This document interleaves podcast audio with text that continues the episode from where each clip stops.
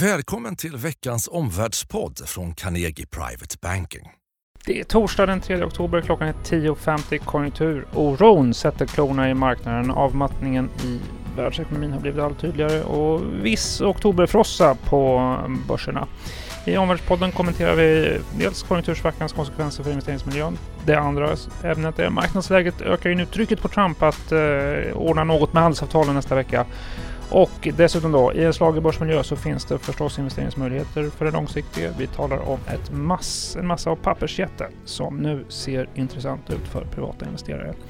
Helena är på resande fot den här veckan, presenterar affärsidéer för investerare i Malmö och Helsingborg idag. Så Jonas Elofsson, vår börsaktör, är med mig i studion. Välkommen till Omvärldspodden! Henrik, alltså även om Helena då är ute och reser som du nämnde här så, så följer du ju, ju, även du då eh, de här makroutvecklingen och eh, sitter ju varje dag i samtal med, med våra investeringsstrateger, med våra aktiemäklare och eh, investerare. Vad, vad är det som har triggat de här negativa marknadsreaktionerna vi har sett? Det är tydligt svagare konjunkturstatistik från flera länder samtidigt. I tisdags såg vi då Framförallt svaga tyska PMI-siffror från industrin. PMI-index mäter ju då bland annat orderingång och produktionen hos inköpschefsinternet i industrin. Dessutom då en tydlig så att säga, tysk smitta eh, rätt in i den svenska industrin och också vårt PMI-index föll kraftigt i, i tisdags. Och dessutom ännu viktigare då naturligtvis, ännu större ekonomi. Eh, samma trend också då hos amerikanska inköpschefsindex. där heter index, indexet då ISM-indexet. Det är världens kanske viktigaste och mest kända konjunkturindikator som då indikerar en eh, inbromsning också i USA. Eh, en av våra analytiker som tittar närmare på just den eh, datan pekade på att just hastigheten i inbromsningen och också bredden, eh, flera sektorer inom industrin, är faktiskt oroväckande. Då. Alla som har lyssnat på Omvärldspodden vet ju att Helena har ju under, över tid då varit bekymrad över den så säga, långa trenden i, i konjunkturutvecklingen. Ibland är ju börserna dåliga på att ta till sig och dåliga på att översätta negativa nyheter. Mm. Det vi såg nu var, ju, har ju varit ett rätt bryskt uppvaknande, breda nedgångar på börserna, riskaptiten hos, hos investerare faller, eller vi ser i varje fall tecken på, på osäkerhet.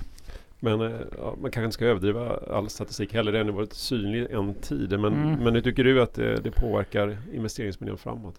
Alltså naturligtvis ska jag inte överdriva enskilda, enskilda data. Utan det är ju snarare då de långa linjerna som är intressanterna. Eh, riskerna är ju att den här då eh, ändå relativt snabba inbromsningen som vi ser i industrin i länder som USA och Tyskland spiller över på tjänstesektorn som ju är en allt större del av ekonomin. Att det också spiller över på hushållen Eh, vi har ju möjligen sett tecken på det med stigande arbetslöshet, till exempel i Sverige. Då, då faller ju också framtidstron och, och när hushållen så, i så fall då konsumerar mindre.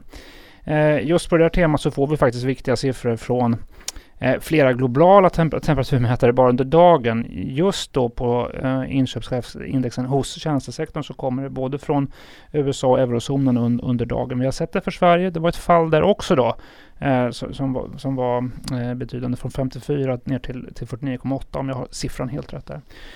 Uh, jag vet att det är viktiga uppgifter imorgon också då när amerikansk arbetsmarknadsstatistik presenteras uh, på eftermiddagen. Det brukar vara 14.30 på eftermiddagen. Jag tror så här, ska man försöka, som svar på din fråga, uh, eh, lägger ut texten här, men om man skulle lyfta blicken i, i, i vår marknadssyn så notera att det finns ju förstås motkrafter till en svagare konjunktur. Vi, vi har delvis varit inne på det med tjänstesektorn och hushållens styrka.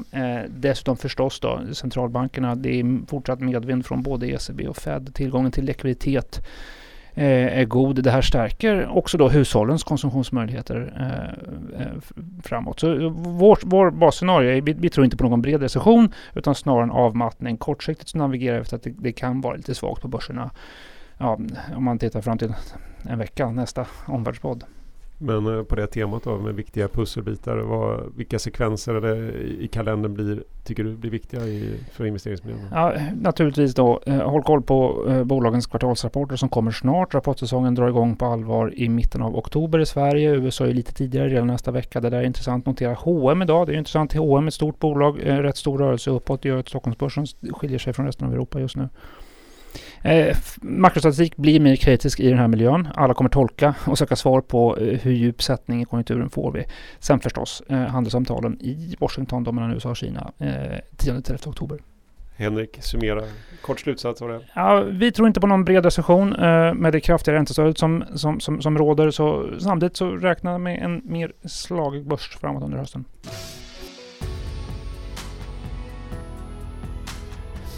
Men i den här marknadsmiljön då som vi, som vi är mitt uppe i så blir ju de här handelssamtalen mellan USA och Kina och ex, eller Brexit-processen eh, här än mer kris, kritiska. Båda ju är aktuella här i oktober mm. och eh, om vi då börjar med handelssamtalen. Alltså, vad, vad, betyder de här marknadsreaktionerna för förutsättningar för att få ett avtal till stånd? Mm. Eh, trycket ökar nu på Trump inför handelssamtalen nästa vecka. Ehm, samtidigt så är det ju så att säga, det går inte att göra quick fix på det här. Det är fortsatt komplexa frågeställningar som ligger på bordet. Jag tror att, göra långa talet kort, så utsikterna för att, så att säga, ett betydelsefullt substantiellt avtal, de är fortsatt mycket låga. Det löser man inte utifrån marknadsreaktioner.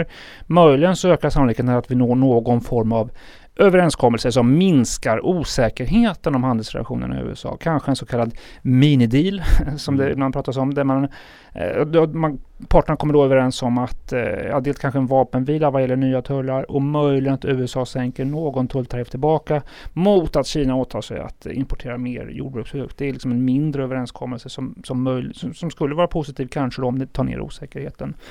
Eh, ja, Trump vill säkert inte ha med sig varken dålig konjunktur eller svaga börser in i ett valår. Eh, det, problemet är att ja, han, det, det, är svårt för honom att tweeta upp börserna så att säga. Det är inte alls samma sak som att sätta ett avtal i substans sådär. Eh, mm, vi får se. Eh, vi fick eh, också lite nya mätpunkter här i veckan från eh, WTO eh, om att USA faktiskt har rätt att införa tullar mot EU då, alltså som en följd av vad de tycker då är olagliga europeiska subventioner till franska Airbus mm. vad det gäller Boeing. Vad har du att säga om det? Eh, den där flygdomen från WTO ska noteras. Eh, det öppnar ju då möjligen en ny front ehm, eh, i handelskonflikten mellan USA och Europa. Ehm, där USA då vill straffa produkter som slår mot de länder i Europa som är inblandade i det här Airbus-projektet. Det är framförallt Frankrike men också, också Tyskland och Storbritannien faktiskt med, med nya tullar. Som EU då säger att man vill svara på. Så det, allt annat lika var det förstås inte positivt. Det, gör, det kommer dessutom då i en besvärlig tid med, med flera negativa andra nyheter för, för marknaderna. Det påminner också om risken då för amerikanska biltullar. Senast den 13, 13 november, november det, då ska den amerikanska presidenten fatta beslut om huruvida biltullar ska införas på europeiska bilar och bildelar eller inte.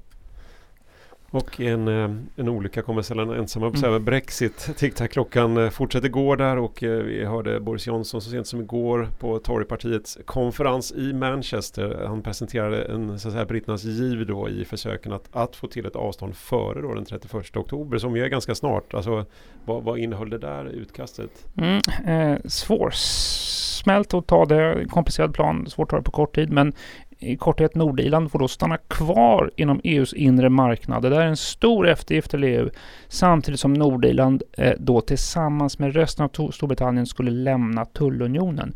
Gränsen ska vara fortsatt öppen på Nordirland med hjälp av eh, ny teknik pekar man på då. Eh, ja, eh, hur det här ska genomföras konkret råder det fortfarande osäkerhet om. Men det här är faktiskt ändå ett litet ljus i tunneln. Det ser ut som att EU inte direkt avvisar detta. Man vill alltså förhandla detaljer i förslaget. Då har man faktiskt någon form av process som, som bär mot eh, eh, förhandling och eh, en möjlig överenskommelse mellan Storbritannien och eh, eh Storbritanniens regering och, och EU. Då. Det, det, låter som ändå är lite positivt där Henrik. Alltså, hur, hur, påverkar det här utsikterna för att vi får ett avtal på plats? Ja, det, ja det, det låter positivt. Samtidigt är det väldigt ont om tid nu. Det kommer tala för ett högt tempo om det då blir förhandlingar på riktigt. Ehm, ja, den här korta tiden är kritisk, då hinner man verkligen. Vi väntar förstås på mer information om det här. Sekvenserna är följande. Först ska ju nu då kommissionen ta ställning till det förslaget som, som britterna har spelat ut. Därför toppmöte eh, 17-18 oktober. Därefter då ska möjligen britterna igen i parlamentet ta ställning till det här. Så det är flera sekvenser framför oss. Ja, sannolikheten att man får ett avtal på plats ligger ja, kanske kring vi får se nu vad vi får för information, men kring, kring 30 procent. Eh, och även om vägen dit då är lång. Eh, klart att skulle det gå vägen så är det förstås positivt för investeringsmiljön i Europa. Okej, 30 procent där. Vad, vad, vad skulle du sätta för odds eller sannolikhet för alltså, att det blir avtalslöst? Då? Ja, det som jag sagt vid några tillfällen, det är fortfarande kring 20 procent, en femtedel. Det är högt givet insatsen som, som står på spel. Okej, så om du summerar både handel och Brexit, vad, vad är det viktigt att vara vaksam på framåt om man är investerare idag? Oktober är ju en spännande månad på flera sätt. Det, det, kommer mycket information från eh, de här processerna som vi har pratat om. Håll koll på då handelssamtalen 10-11 oktober och därefter EU-toppmötet om Brexit 17-18 oktober. Stay, stay tuned får man säga. Mm. Eh, Jonas, eh, du bevakar och skriver om aktuella investeringsidéer här på Carnegie.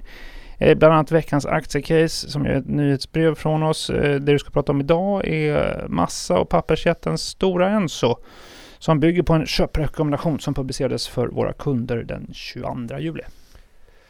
Ja, alltså vi, vi, vi gillar Stora Enso som är, man kan säga, man lyfter blicken lite grann, som är mitt uppe i en pågående och intressant strategiskifte. Det har pågått en tid och pågår och eh, där alltså bolaget samtidigt gynnas av stora globala trender då, inom framförallt hållbarhet och, och miljöfokus. Och, och Stora Enso ställer just nu om då från då, som, man, som du kanske vet, att varit en europeisk pappersproducent eh, till en, eh, alltså det är ju en marknad i strukturell nedgång så det är där mm. man då försöker lämna till verksamhet med tillväxt och det är framförallt genom livs, olika livsmedelsförpackningar. Eh, samtidigt så sänker man även kostnader genom att flytta produktion till eh, låglöneländer då och framförallt pappersmassaproduktionen. Eh, och vi, vi tycker, eh, alltså summerar man Stora Enso så är det en attraktiv exponering med en hög andel förpackningar mm. och sågade trävaror och implicit är det också en väldigt försiktig värdering av skogstillgångarna. Mm. Och eh, just skogen får man säga det är ett högaktuellt tema inte minst efter att Billerud Korsnäs de sålde skogen till AMF i somras och det blev början på ett litet rally bland de här bolagen och bland skogsbolagen. Mm. Försiktig värdering av skogstillgångarna säger du. Är det så att skog har blivit det nya svarta bland investerare? Ja, så, så, kan man faktiskt säga. Alltså skogsbolagen har fått då ökad konkurrens kan man säga av, eh, av pensionsförvaltarna som ju faktiskt jagar någon form av avkastning får man säga i den här lågräntemiljön som vi har och som vi ser ut att stanna i ett bra tag. Eh, och de köper alltså skog som alternativ helt enkelt till mm, obligation bara för att få avkastning. Mm. Eh, och eh, de hade, Stora Enso hade en kapitalmarknadsdag här i september och man meddelar också att man, har, man etablerar en ny division då, Forest, alltså skog där de lägger då de här delvis för nyförvärvade skogstillgångarna då, bland annat Bergvik Skog Väst där. Man har lite sen innan där skog i Finland och i Ryssland och några andra länder kring ja, baltländerna tror jag. Eh, mm. Eh, och det, det, här tror vi kommer, eh, alltså världen kommer synliggöras på ett annat sätt när det ligger som en egen division och det bör ge stöd åt värderingen. Och, eh, Eh, samtidigt får bolaget ganska tydligt då på kapitalmarknaden att en avyttring av den här då inte eh, till, alltså till finansiella placerare inte är särskilt aktuell. Mm. Men eh, skogen är för strategisk helt enkelt. Mm.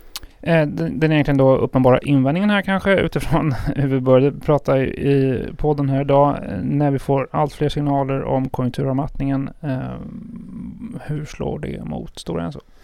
Alltså det är en viktig poäng om man ska äga aktier här då, men vi, vi tror inte att en, en avmattning kommer avspela sig så ens som om man tänker sig övriga industri eller verkstad då. För att vi ser att förpackningsindustrin och, och de här hygienprodukterna det, det är relativt konjunkturstabila områden. Mm. Eh, och sen om man då tittar lite mer kortsiktigt kan man säga att det viktiga pappersmassapriset då det ser ut att vara nära botten. Vi tror att det är en bottenläge här. Vi har sett en stabilisering under sommaren.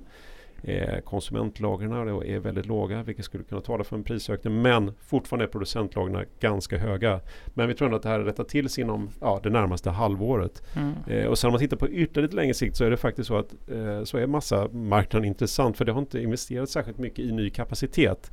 Mm. Så om, om några år kan vi faktiskt vara här i en sits med, med kapacitetsbrist igen och det ger ju stöd till priset på även på lite sikt då. Mm. Jag tycker du trycker på i argumentationen här. Är det så att du lovar du som man säger då, guld och gröna skogar i, i detta. Ja, alltså kanske inte riktigt, men, men eh, det kan vara lite kortsiktigt slaget i vinstutvecklingen. Alltså det är ju faktiskt så att vinsten faller i Stora Enso i år, men vänder upp under nästa år. Och eh, det här, alltså givet de här låga massapriser som vi just nu ser, men eh, det här är ju redan inprisat i kurserna och eh, vi tittar framåt och, och aktien har ju kommit ner väsentligt sedan förra sommaren då massapriserna så att säga toppade förra gången. Eh, och sen måste det finnas stöd i någon form av värdering och tittar vi i ett historiskt fem och tio års perspektiv så är värdering i den lägsta delen av de här värderingsintervallerna och tittar vi på till exempel P tal eller price book, då, alltså pris bokfört värde. Och det är väldigt omotiverat. Eh, vi ser ändå att vinsterna eh, nästa år, eh, det är dessutom under ett eh, normaliseringsår som vi säger och att då att det ska värderas i det lägre intervallet. Det, det är inte det, det är kopplat till ett väldigt bra läge tycker vi. Så att, eh, eh, det här är ett bra case med ett växande skogsinnehav och en, så att säga, en gradvis lägre exponering mot papper med en attraktiv värdering. Så att vi tycker att man kan köpa aktien. För dig som vill veta mer om caset eller prenumerera på veckans aktiecase så hittar du länk i beskrivningen till den här podden. Och önskar du få tillgång till rekommendationen så mejlar du till adressen mar information carnegie.se. I veckan som gick gästades vi av finansminister Magdalena Andersson som här på Carnegie pratade på vår scen med investerare och entreprenörer om eh, världsekonomin, konjunkturen och svensk ekonomisk politik. Vi tackar finansministern för att hon frikostigt tog sig tid att svara på många frågor från vårt investerarauditorium. Vill du veta vad vi pratade om? Följ då våra nyhetsbrev på carnegie.se. Tack för att du lyssnade idag.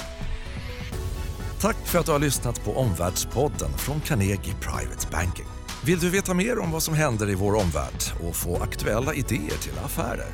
Gå då in på www.carnegie.se veckans viktigaste och prenumerera på vårt nyhetsbrev.